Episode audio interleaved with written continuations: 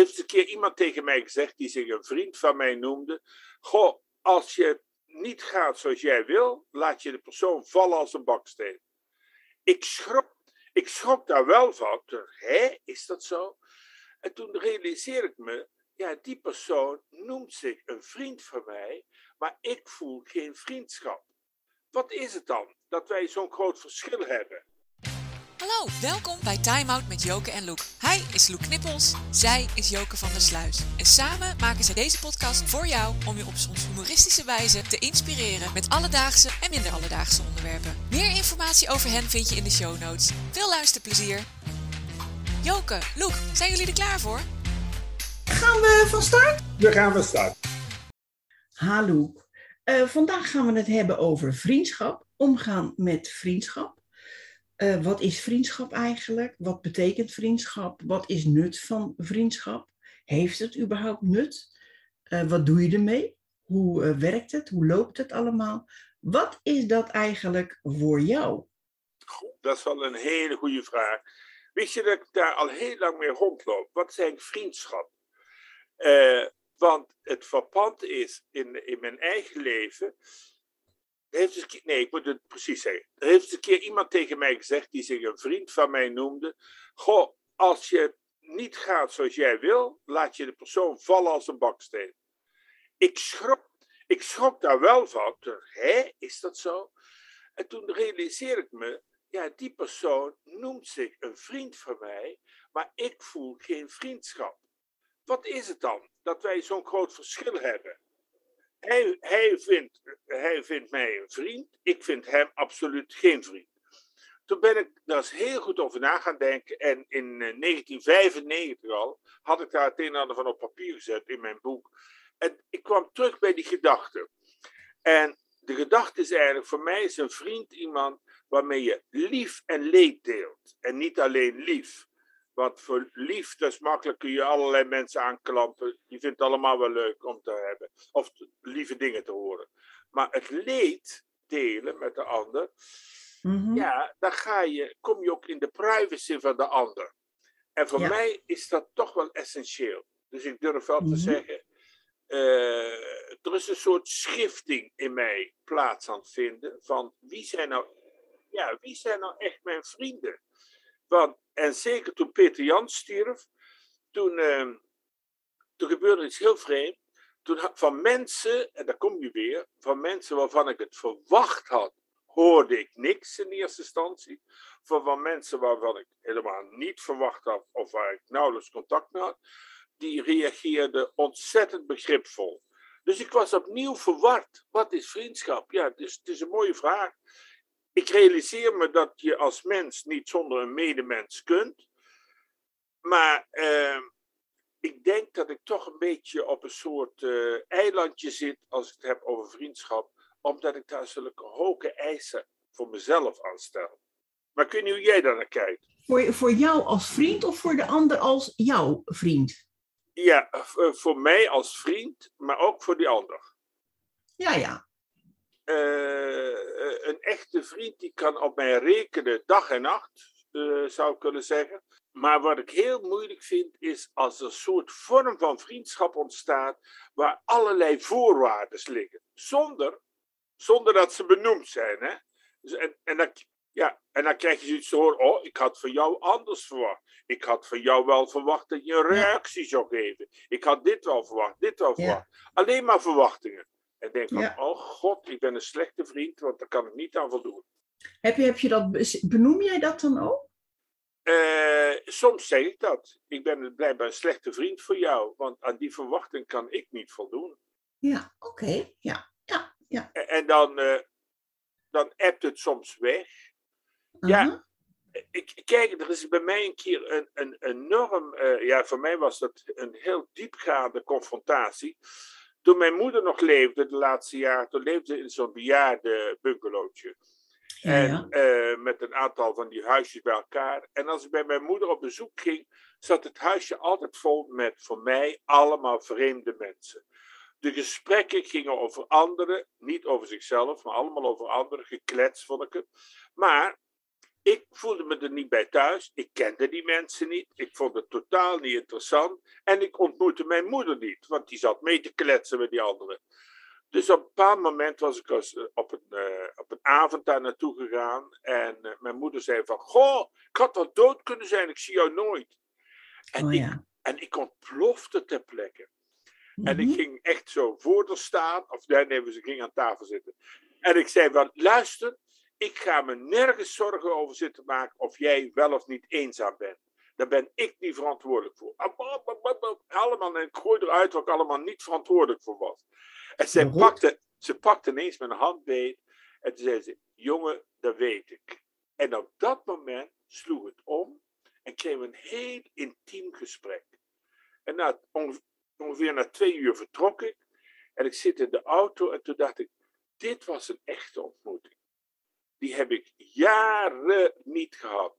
En toen veranderde voor mij ook het idee, ja, hoe zit dat met mijn vrienden? Eh, eh, er zijn weinig vrienden waarmee, eh, die echt met mij delen wat hun bezighoudt. Ja, nieuwtjes, maar wat hen echt bezighoudt. En ik deelde alles. Nou, en toen, en dat, dan kreeg je een soort... Heb je al scheefgroei. Ja. ja, absolute scheefgroei. Eenrichtingverkeer. Ja. Maar ik weet niet, hoe, hoe kijk jij daarnaar? Want hoe werkt dat bij Nou, jou dan? Ik ben eh, een heel moeilijk mens gewoon, eigenlijk, als het gaat privé over vriendschap. Ik, eh, wat ik eh, de vorige podcast al heb gezegd over verantwoordelijkheid. Ik geef niet heel makkelijk, niet heel snel mijn hart. Maar als ik mijn hart geef, dan heb je hem ook. En dan is dat onvoorwaardelijk. Trouw en dus zo. Het, eh, ik heb een ongelooflijk groot nadeel. En dat is dat ik niet aan social talk kan doen. Dat vind ik zo moeilijk, zo ingewikkeld. Eh, oh, ik, weet, niet- ik weet niet waarom, maar bij mij moet het altijd maar weer, eh, gaat het de diepte in. Het gaat ook in een soort van automatisme of zo. Ik heb ooit eens een keer een relatie gehad met een man, notabene, in Brabant. Je kent hem. Ja. En nou, daar was dat dus heel belangrijk voor. En dan kreeg ik allerlei eh, opdrachten. Je, dan moesten we naar een opening van iets of een, eh, weet ik veel, iets interessants weer. En dan niet over de kerk en niet over politiek en weet ik voor wat allemaal. Dus toen we uit elkaar gingen, dat eerste jaar daarna, heb ik me compleet asociaal gedragen. Dat als er iemand op bezoek kwam, dan zei ik van, eh, ik ben hier niet om jou te entertainen. Ze kwamen bij mij op bezoek, hè Ja, ik ben hier niet om jou te entertainen. Als je wat wil, daar is de koelkast. Nou, naderhand, er zijn dus een paar, daar heb ik echt mijn excuus aan gemaakt. Zo van, nou weet je, dat was, hou het maar op eh, traumaverwerking. Dus toen kwam ik weer een beetje in balans. Maar het betekent ook, die trouwheid bij mij en die onvoorwaardelijkheid, eh, dat ik dat ook terug wil, krijg ook trouwens. En ehm, dat ik niet snel iemand laat vallen. En als iemand eenmaal in mijn hart zit, dus vriend is, dan eh, moet hij heel ver gaan, of me vaak genoeg, heel diep op mijn ziel trappen, voordat ik hem eh, laat vallen. En dat is bij vrienden, is dat kort geleden trouwens, één keer eh, gebeurd. Nou, dan moet je ook een soort heilige maagd Maria zijn om dat weer goed te krijgen. Dus dat is bijna onmogelijk. En eh, ik ben natuurlijk heel erg daarmee bezig geweest. Hoe vind ik dat? Vind ik dat erg? Nou, dan heb ik toch een stukje rouw. Want ja, er is iets voor mij heel kostbaars. Is eh, weg, is kapot. En eigenlijk niet eens door de persoon in kwestie, maar door zijn echtgenote. Dus dat is een beetje jammer. Maar goed, dat, eh, het zij zo. Hij heeft dat ook eh, toegestaan, noem ik het maar. Dus echte vrienden waarbij het onvoorwaardelijk is, hè, dus vice versa. En waarbij je compleet jezelf kunt zijn. Dus ook met je absolute schaduwkanten. Want eh, eh, laat me wel wezen, ik heb die echt ook wel. Dat eh, zijn er dus nu, ik geloof drie of zo. En die, maar die, dat zijn dan gelijk van die, weet je wel, van over de 50 jaar al. Zo. Dus dat zijn dan hele oude. En ik heb wel een paar kennissen. En kennissen noem ik mensen die ik aardig vind. Maar waar ik niet al mijn diepe eh, lief en leed mee eh, deel. En ehm, dus die heb ik dan wel. Een paar van dat soort kennissen eh, noemen mij vriend, maar die pretenderen dan dat ze, geloof ik, 30 vrienden hebben. Echte vrienden, denk ik, hoe dan?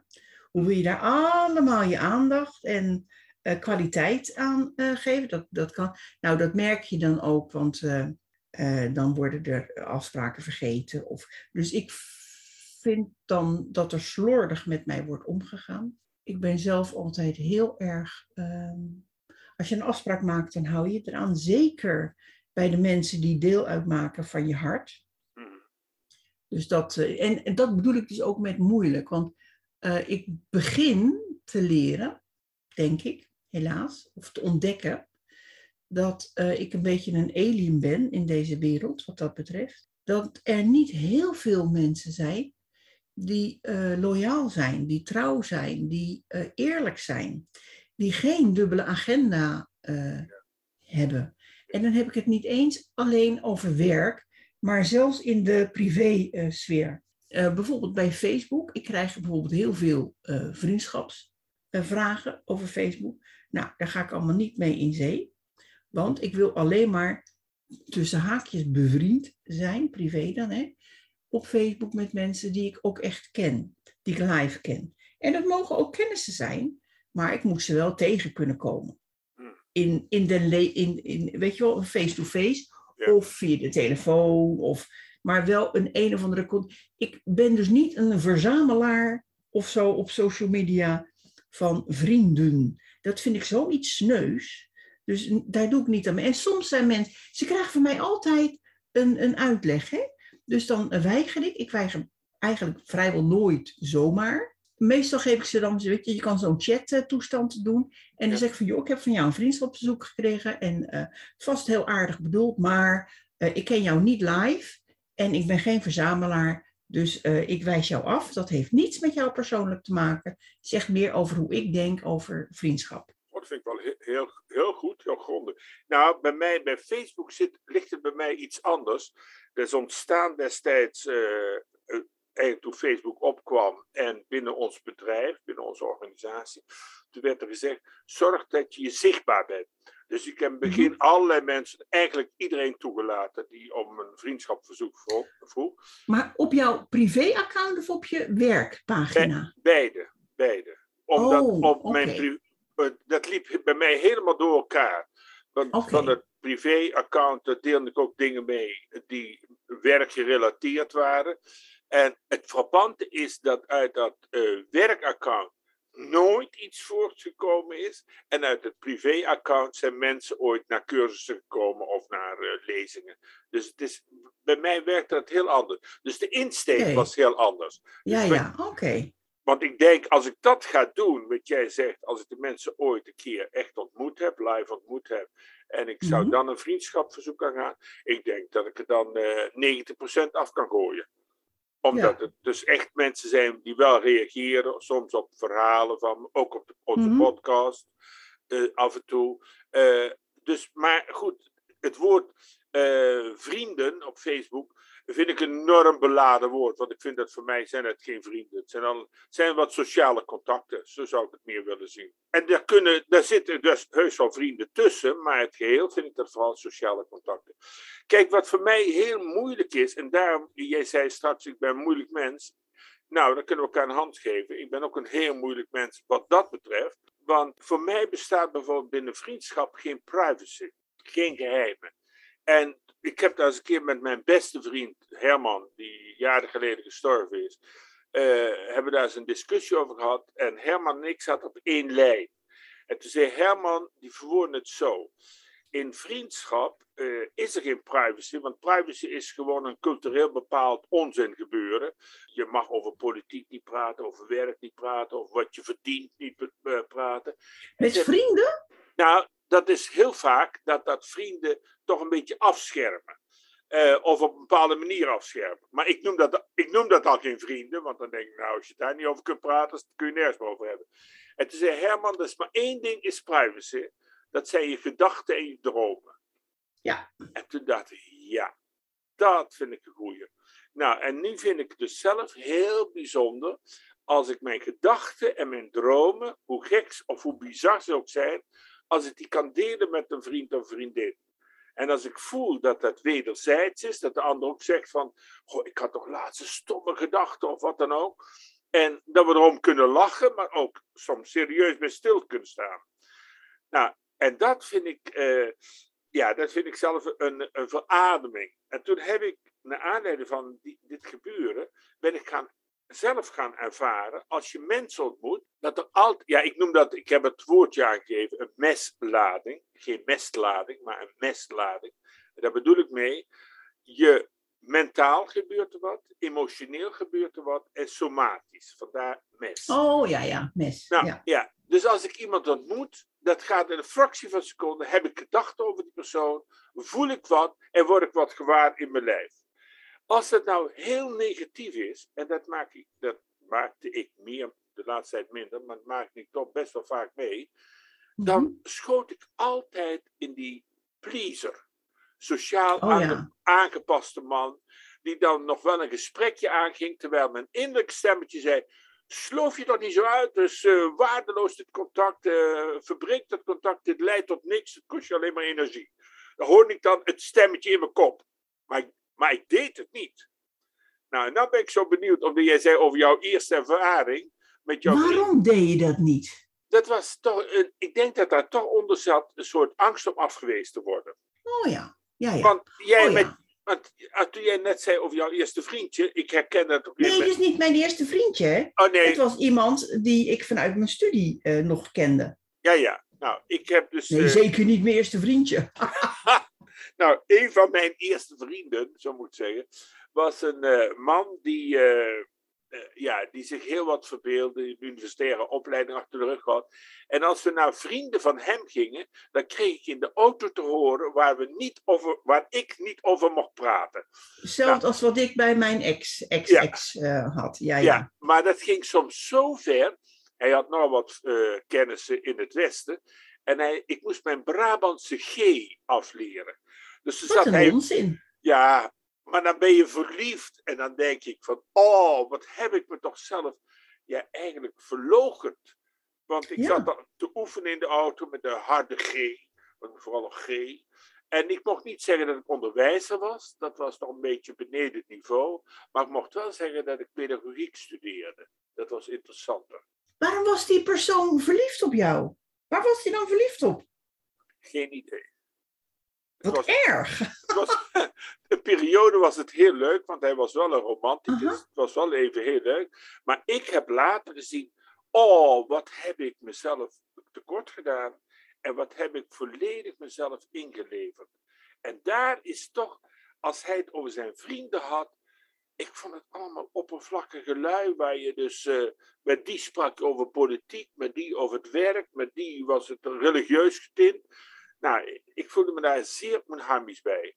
Dus ik heb in die zin niet altijd eh, goede of positieve voorbeelden gehad van vriendschap. Omdat vriendschap voor mij ook vooral toch betekent solidariteit met elkaar. Dus Ja, solidair zeker. zijn, respect hebben. En die ander mag anders denken. En ik mag daar Ja. enorm tegen tekeer gaan, omdat ik dat helemaal niet zie zitten. Maar dat wil niet zeggen dat dat het einde van de vriendschap is. Dus het, Nee, mag, het mag voor mij Nee. best af en toe clashen. Ja. Maar als Maar altijd met respect. Juist, want dat is voor mij wel de basis. Er moet wel Ja, respect ja zijn. precies. Absoluut. Ja. Maar heb jij eens in je leven, want daar ben ik daar wel benieuwd naar, heb je op, om die reden wel eens ooit een hele goede vriend of vriendin verloren, waarmee jij dus een geweldig goed Nou ja, deze laatste dus. Aha, Die ehm, ehm, dingen van mij wilde weten over iemand. Terwijl toen die intermediair was, toen, eh, in die periode, mocht ik niets vragen over die persoon. Op zich terecht. En nu wilde die dat wel van mij. Toen zei ik ze, nou dat wil ik dus niet. En dat was eigenlijk een druppel. Er zijn dus natuurlijk veel vaker momenten geweest. En eh, vaak geïnitieerd door zijn huidige echtgenote. Dus eh, op een moment was het ja, weet je, dan loopt de emmer over en dan is het klaar. Maar in een emmer van 10 liter kunnen veel druppels, hè? goed. Dus eh, de, dan is er echt wel het een en ander eh, gepasseerd. En wat jij zei, pleasen, ja, daar heb ik in die zin eigenlijk nooit, mijn hele leven niet, last van eh, gehad. Omdat ik, zolang als dat ik me kan herinneren, ook in mijn kindertijd al, het gevoel had, het idee had, of weet ik hoe je dat noemt, van ik hoef niet met iedereen bevriend te zijn. Dat kost me veel te veel moeite, vind ik veel te ingewikkeld, veel te druk, wat een gedoe. En eh, er zijn zoveel mensen door, eh, op de wereld die zo verschillend zijn. Dat, nou, nee, dat, dat hoeft dus niet. Dus in die zin heb ik daar nooit zo heel veel last van gehad. Van, weet je wel, dat ik dus bang was in die zin afgewezen te worden. Of. Ja, maar dan ben ik wel benieuwd. Was je als kind, was jij iemand die al vriendjes en vriendinnetjes had? Die op school zat? Zeker, zeker, zeker. Maar uh, ik heb heel lang met netwerkvrienden vriendschappen gehad, noem ik het maar. Ja. Dus al, al, al, op de lagere schooltijd, hè? Ja. En zelfs op de kleuterschool al, want daar waren twee of drie jongetjes, dat weet ik al niet meer. Daar ging, ging ik altijd mee in de zandbak. Want met die meisjes, dat vond ik helemaal niks. Die zaten altijd te trutten met poppen en uh, moeilijk en weet ik het allemaal. denk ik, wat een gedoe, hou eens op. Dus ik ging altijd met de jongetjes en altijd, nou binnen vijf of tien minuten, zaten wij ook met z'n drie op het stoepje. Want dan waren die meiden weer van, eh, ik heb zand in mijn ogen. Of denk ik, ga dan weg. Of zo. Maar goed, dus nou ja. Dus met die jongetjes was altijd zandbak, stoep zitten. Dat was eigenlijk al het begin. Nou, toen was ik vier, vijf of zo, denk ik. En op de lagere school uh, had ik... Uh, ik zat op een meisjesschool, dat had je nog in die tijd. En dan had ik vriendinnetjes waarmee ik naar de zondagschool ging. Of waarmee ik naar de speeltuin ging. Of vriendinnetjes waarmee ik ging zwemmen. Dus die, die en die en die. En dat is eigenlijk ook zo gebleven in mijn puberteit en mijn adolescententijd, mijn studietijd uh, zo'n beetje. En daar heb ik wel meer en meer vriendschappen ontwikkeld, ontdekt, ontwikkeld. Dus ik heb bijvoorbeeld een vriendin, nog uit de tijd van de Sociale Academie. Zo. Niet van de eerste, hè? niet van de eerste Sociale Academie Rotterdam, waar ik op heb gezeten, maar wel in uh, Breda. Die, uh, die woont nu in Maastricht. Wij spreken met elkaar misschien uh, één, twee, drie keer per jaar door de telefoon, meestal. tot een paar jaar geleden ging ik vaak één keer per jaar dan een nacht naar haar en één nacht in het Termatel, dus dat hotel van Terme oh, 2000. En had ik altijd het gevoel dat ik een week vakantie had gehad. Heerlijk was dat. De grap met haar is dat wij altijd doorgaan waar we gebleven zijn. Dat maakt niet uit. Ja. Dat is echt heel, uh, ja, ja, dat blijft dus vertrouwd. Zij is dus ook mijn meter. Hm. Ik heb me op latere leeftijd uh, laten dopen.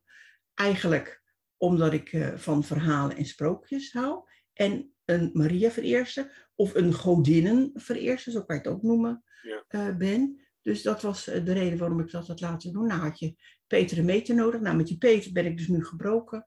Maar met die meter heb ik dus nog steeds contact. Goh, ik, ik, ik ken dat niet. Helemaal nee? niet. Nee, ik, uh, ik heb uh, voorbereid aan dit uh, gesprek, of voorbereid, een beetje reflecteerd in mezelf. Toen dacht ik, Goh, ik ken dat helemaal niet. Vriendjes of vriendinnetjes heb ik lagere school. Ik kom dus in dat grote gezin. Ja, mijn beste vriend was mijn zus, die net onder mij was. Dus wij trokken altijd samen op. En als ik dan denk aan uh, kinderen van school, dat ik selecteer, of nou selecteerde, ja, ik had blijkbaar een soort neus voor uh, kinderen waar problemen waren. er was oh, op een gegeven moment een jongetje in de vijfde klas van de lagere school. Daar stierf onverwacht zijn moeder van. Die jongen nodigde ik meteen uit om bij ons te komen spelen. De pleaser. De pleaser. Die werd bevriend met mijn broer. En die hebben meer dan 20, 25 jaar zijn die bevriend geweest. Nooit met mij. Dus ik haalde af en toe mensen binnen. Maar altijd vanuit, ja, dat ik, ja, misschien dat ik het toch wel een beetje zielig vond. Dat er net achter zat. Oh, wat zielig. Oh, wat steun. Wat bij mij was het juist omgekeerd. Die, zielen, die zielenpoten, noem ik het maar even. Ja. Die kwamen altijd naar mij. Oh, stond ik gewoon op de bus te wachten. Of op de tram in Rotterdam. Hè, want daar ben ik natuurlijk opgegroeid. Dan een wild vreemde. En dan kreeg ik een heel levensverhaal te horen. Ja, dat heb ik, herken ik ook. Dus eh, niet altijd dat ik zelf, zelf selecteerde, dat ze ook inderdaad naar mij toe kwamen. Want ook de hele middelbare schoolperiode, waar de, als je dan aan de klasgenoten zou vragen, god hoe zit het? Dan scoorde ik me misschien in de klas heel hoog, Maar als sociaal betrokken of weet ik van wat, want er werd van alles tegen mij verteld. Maar ik ging naar niemand van hen toe. Was een keer, ik kan me nog herinneren, een jongen die kreeg geelzucht. En dan moet je een hele periode thuis zijn. En toen vroeg een, leraar op school: Is er iemand van jullie die daar in de buurt woont die hem huiswerk kan brengen of het huiswerk bespreken? Ik heb dat een half jaar gedaan. Nou, eh, dat was helemaal geen vriendschap, dat was een soort. Eh, ja, hoe zou je het noemen? Een, een vorm sociale van. Sociale noodzaak. Ja, sociale noodzaak. Maar ik had daar echt geen vriendschap mee. Maar dan was ik wel trouw, want ik had ja gezegd. Dus ging gewoon elke dag daar naartoe, huiswerk brengen, even wat be, dit bespreken over school gedaan hadden en ging weer naar huis. Nooit een vorm van vriendschap geweest. En dus veel later, dus eigenlijk pas toen in mijn werk, toen we begonnen met Centrumplein in Hank, toen kreeg ik vriendschap met Piet. En dan, daar voelde ik op een bepaald moment een vorm van liefde die voor mij ongekend was. Ik zou bijna kunnen zeggen dat ik verliefd op hem was, maar dan een hele pure liefde. Dus er zat niks seksueels achter. Maar ik hield van die vent. En mhm. die is, uh, is helemaal omgangsschool, is yogaleraar geworden en heeft met ons een centrum mee opgebouwd. We hebben heel veel samengewerkt. En toch ging het mis op een bepaald moment. En terugkijken, want dat heeft lang geduurd, zat daar zijn vrouw tussen. Een vorm van jaloezie en, ja, uh, ja ik, precies. Het kreeg hele gekke vormen. Ik, ik, ik kreeg van haar vaak op mijn flikker dat ik dingen deed. En dacht ik, hè, wat heb je er eigenlijk mee te maken? Het gaat tussen Piet en mij. En nou, zo ging Ze zijn eigenlijk uit elkaar gegroeid. En ik moet zeggen dat ik van hem uh, het meeste last heb dat dat contact voorbij is. En dat is omdat dat toch een, een soort trilling in me teweeg bracht van ja, ik zou voor door het vuur gegaan zijn. En hij deed het ook voor mij. Dat merk Ja, ja, ja, ja. Met Herman, nou, die, uh, die verhalen, die heb ik al een paar keer genoemd, was dat ook een zeer intense vriendschap. Herman sterft en zijn vrouw ging zeg maar een beetje op diezelfde toe, wilde ze met mij doorgaan. Er is geen Ja, dat gaat niet. Nee, nee er is geen klik. Nee. Dus hij komt van, uh, ik noem het altijd fatsoenshalve. Zie ik haar één keer per jaar of zo, of dat ze op vakantie in Frankrijk komt ze even aan. En ja, we hebben elkaar echt niks te vertellen. Nou, en dan hm. denk ik van, oh, wat, dan is het toch een soort ritueel wat je toestaat. Ja, wat tot niks leidt. Want, uh, ja, en dat doe ik dus niet. Daar vind ik mijn tijd op deze aarde te kostbaar voor. Ja, dat vind ik wel heel Dat, uh, dat doe ik dus uh, niet. Dat, uh, daar, nee, dat, daar, ga ik niet, daar ga ik niet in mee. Dat, ik herken het wel, dat, wat jij zegt. Daarom is ook die, die vriendschap met die oud-studiegenoot omvergeblazen eigenlijk. Ja. En um, nou ja, volgens mijn huidige partner ben ik dus een heel raar iemand, want ik ken geen jaloezie. Ik ben nog nooit in mijn leven jaloers geweest. Ik ken het uit boeken, ja. verhalen, ook van vriendinnen natuurlijk, van op zich best wel. Maar uh, ik ken wel verbazing van waarom doet iemand zoiets? Of uh, hoezo? Maar Weet je, ik zit dan zo in elkaar, dan ga ik naar die persoon toe en dan vraag ik het. En 9 van de 10 keer krijg ik dan een een of ander stotterverhaal of zo. Om, oh, ja, omdat ze dan zelf zo van, oh ja, dat klopt inderdaad niet of zo. Ah. Dus ja, dat, uh, ja. Er wordt ook zoveel, wat jij ook zei, van met je moeder, met die mensen rondom je moeder. Er wordt ook zoveel uh, klok- en klepelverhalen. Hou ik ook niet van. Ah. Oh, ik, ik, had een paar weken geleden hebben wij een uh, toernooi gehad hier, een, van een bepaald soort spelletje. En ik kom daar een dorpsgenoot tegen. Ik woon dus zelf in het buitengebied. En uh, ik zeg, ja, ik ken jouw gezicht, want dat is de grap bij mij. Ik moet altijd, uh, als ik iemand ken, bij iemand even in de buurt staan, dan noem ik maar eventjes in zijn aura en zijn ogen zien en zijn stem horen. Dus en dan heb ik altijd een bepaalde kleurassociatie, die positief, negatief, whatever, klik ja of nee is. Dus toen zei ik, zeg, ja, ik zeg, ik herken jou en ik heb een positieve uh, associatie met jou, maar ik kan het niet plaatsen. Hij zegt, waar woon je? Ik zeg, nou, daar en daar. Hij zegt, oh ja, daar heb ik, uh, weet ik voor wanneer, heb ik daar gewerkt, want de vloer moest eruit. En, uh, en dat klopt, want we hebben natuurlijk extreme verbouwingen in dit huis gehad. Ik zeg, ja, ik zeg, dat, ja, hij zegt, dat waren twee vrouwen en één daarvan is dood. Ik zeg, oh, God vertel. Ja. Want dat waren wij. Ah. Ik zeg, nou, ik zeg, ik zou heel graag weten wanneer ik dood ben gegaan dan. Dus ging een verhaal rond. Dat... Precies, en dan in plaats van dat personen dan even langskomen en dat even checken. Ja. In Woerden was dat ook, hè? Toen, toen ik dus hier woonde en mijn, mijn huidige partner nog in Woerden werkte en wij dat huis nog niet verkocht hadden, toen moest ik daar een keer zijn. En toen zei iemand van, oh erg hè, dat jullie gaan scheiden. Ik zeg, nee, vertel. Ik weet van niks. Nou, dat soort gedoe. Dat heb je met, tenminste, ik heb dat met mijn vrienden niet. Kennissen kunnen dat wel hebben. En als die dus met een verhaal over iemand komen, dan vraag ik altijd van, van wie heb je dat verhaal? Van die persoon zelf? Nee, van, ik zeg nou, ik zeg, dan klopt er waarschijnlijk geen kloot van. Dus uh, zullen we even die persoon bellen of dat vragen en gaan ze stotteren. Want dan zit er ook een eigen invulling bij. Nou, ik hou daar niet van. En dat bedoel ik met dat ik blijkbaar moeilijk ben. Want uh, mensen schrikken daarvan. Nou ja, weet je, ik vind dat niet erg. Want dan denk ik, uh, ik ben verlost van een hoop roddelpraat. Ja. ja. Mensen weten dus ook echt, bij mij moet je niet aankomen met, heb je gehoord dat? Nee, dat heb ik niet gehoord. En als ik wat wil weten, ga ik naar die persoon. En als die persoon vindt dat ik het moet weten, neem ik aan dat hij dat tegen mij vertelt. Punt. Ja. Vrij zwart-wit hoor, wat dat betreft. Nou ja, maar het is wel heel duidelijk. Dan weet Ja. je wel wat je aan jou hebt. Ja, Dus dat zeiden mijn kinderen vroeger van mij ook. Die zeiden altijd van, ehm, eh, jij bent streng, maar rechtvaardig.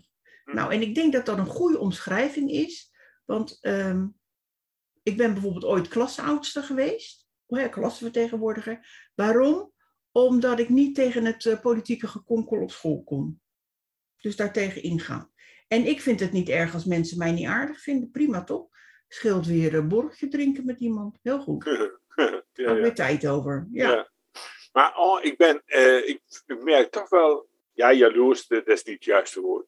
Maar dat ik het wel heel bijzonder vind als jij zo praat over vriendschappen, dus vanuit je jeugd, dus dat je eigenlijk dat al heel vroeg gevoeld hebt, die vriendschappen.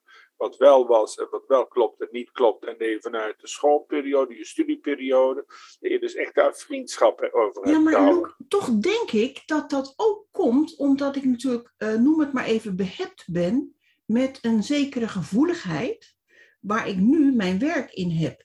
Ja, ja. En ik denk dat dat, ook al wist ik dat toen niet, dat dat wel al een rol heeft eh, gespeeld. Denk ik. Dat weet ik niet. Dat is een invulling van mij over mezelf. Maar dat is wat ik denk. Want waarom moet ik iemand zijn ogen een keer hebben gezien live, in zijn aura hebben gestaan en zijn stem hebben gehoord, om te weten of iemand klopt ja of nee? Ja. Dat, dat moet met die gevoeligheid te maken hebben, denk ik. Ja. Ja. Weet je, als ik bijvoorbeeld coaching doe, dan uh, in feite is dat ook zoiets hè, van een, een begin van een contact creëren. Dan, uh, ik kreeg echt vaak te horen van, oh, moeilijke vragen stel je. Ik spiegel alleen, hè? meer doe ik niet. Ja, een moeilijke vraag stel je. Ik zeg, ja, weet je, ik wil het ook social talk doen, maar uh, uurtje factuurtje, ga door. Wat Ja. wil je? Ja. Ja, dat- soms haken ze af en dan vind ik het ook prima. Want ik heb geen zin om mijn tijd te verspillen aan mensen die alleen maar schoppen en niks doen. Nee. Dat vind ik dus ook met vriendschappen. Eh, zegt iemand van ja, ik, eh, ik vind jou bijvoorbeeld heel aardig, of weet ik veel hoe dat eh, precies gaat. Ehm, en dan willen ze meer contact, prima, maar het moet wel wederzijds zijn. Soms zeg ik ook wel eens van, goh, steek jij je vinger eens op. Nou, doen ze de vinger. Ik zeg, nou, als jij je vinger uit kan steken, dan kan je ook een telefoon bedienen. telefoon gaat twee kanten op, hè, bijvoorbeeld. Nou, dat is wel, wel grappig dat je dat zegt, want daar zit voor mij een soort dilemma in. Ik heb jarenlang, toen ik heel intensief met cliënten werkte, toen eh, was mijn sociaal leven eigenlijk heel ehm, verstild, misschien wel arm te noemen. Eh, daar kwam, eigenlijk kwam daar alleen maar Piet en Herman in voor, verder niemand. Dat waren de enigen. Maar ik was ook s'avonds, en ik- misschien lag dat ook wel, dat ik me zo inleefde in de cliënten. Ik was s'avonds afgedraaid. Ik had geen energie om nog andere dingen te gaan ondernemen. Had ik nou eens een vrij weekend, dan kon ik daar enorm naar uitkijken, maar dan had ik niet de behoefte om dat meteen in te vullen met, een, met vrienden of vriendinnen. Dan had ik iets van, vond fijn om destijds met mijn partner iets te gaan ondernemen, of me onder te duiken in, in, in een goed boek of wat dan ook, of in de tuin. ik altijd wel graag gedaan heb. Dus het heeft voor mij, eh, heeft het ook vaak te maken gehad met werk gerelateerd.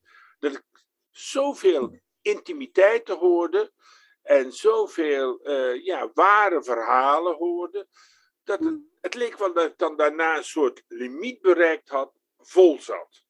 Ja, maar schat, dan heb jij nooit in je werk uh, um, je afgeschermd of um, energie uitgewisseld.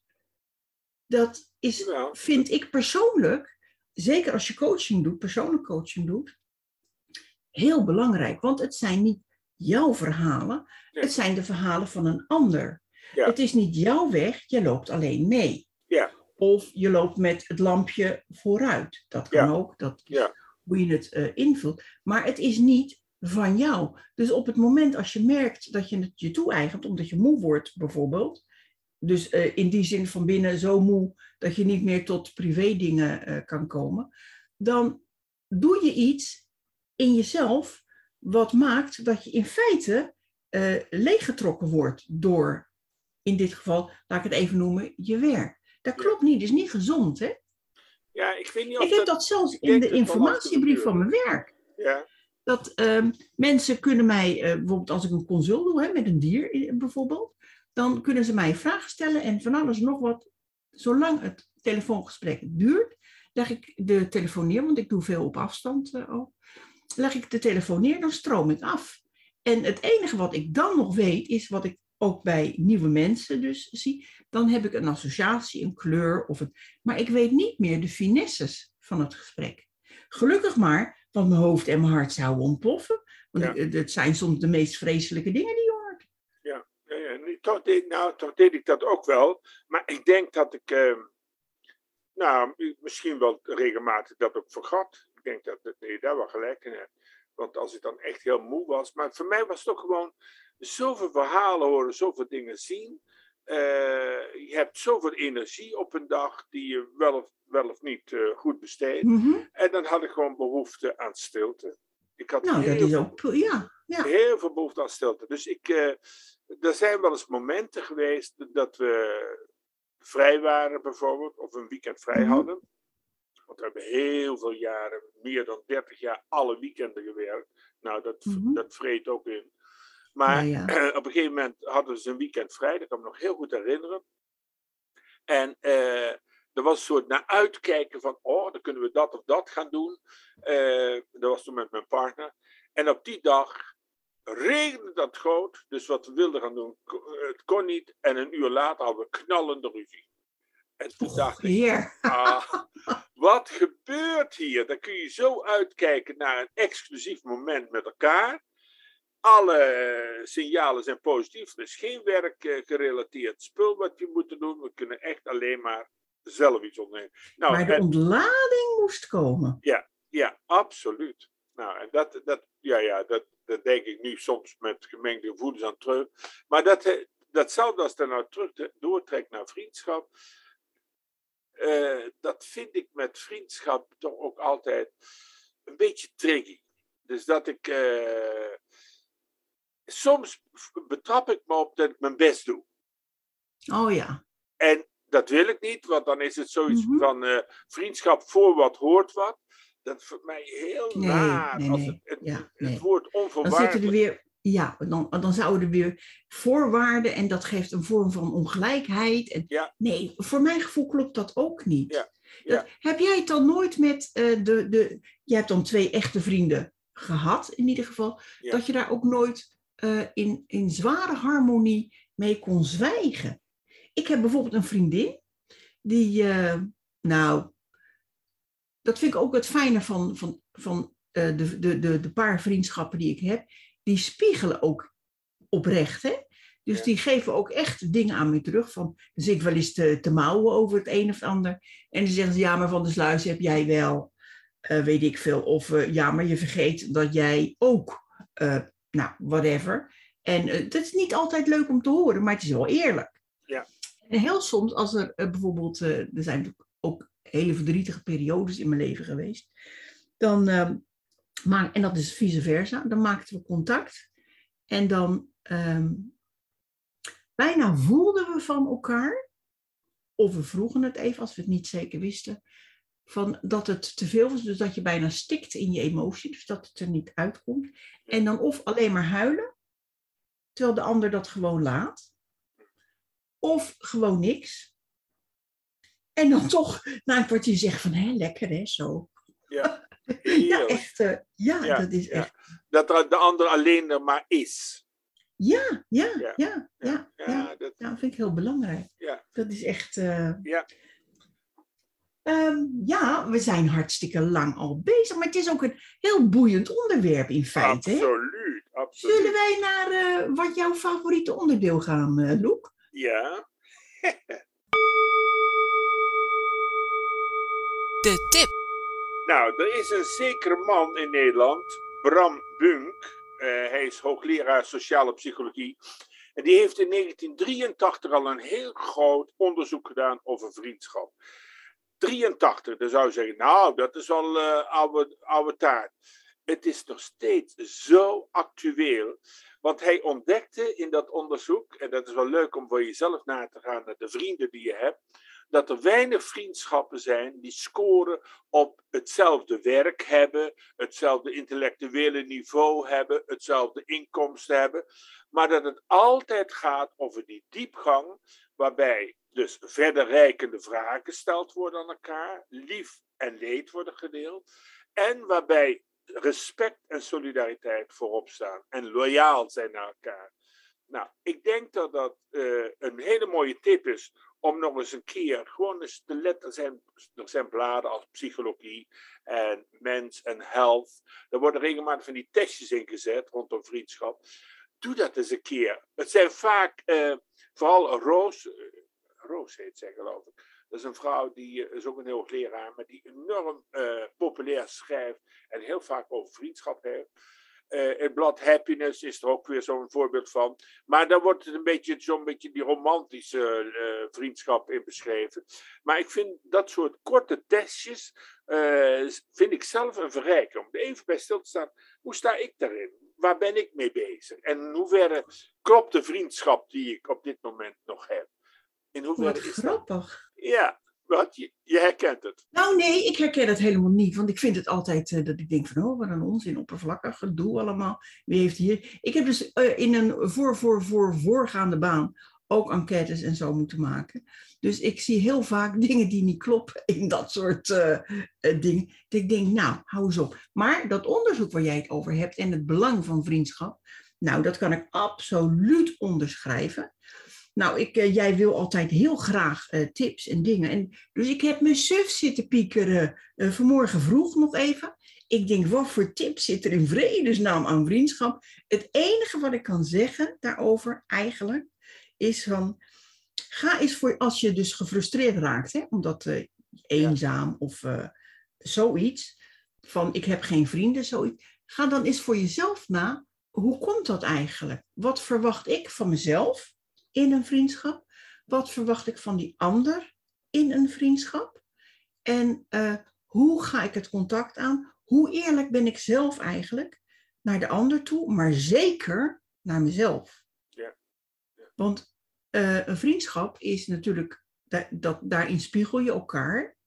Maar ik denk dat als je aan het begin staat van een vriendschap, dat het heel belangrijk is dat je ook jezelf spiegelt.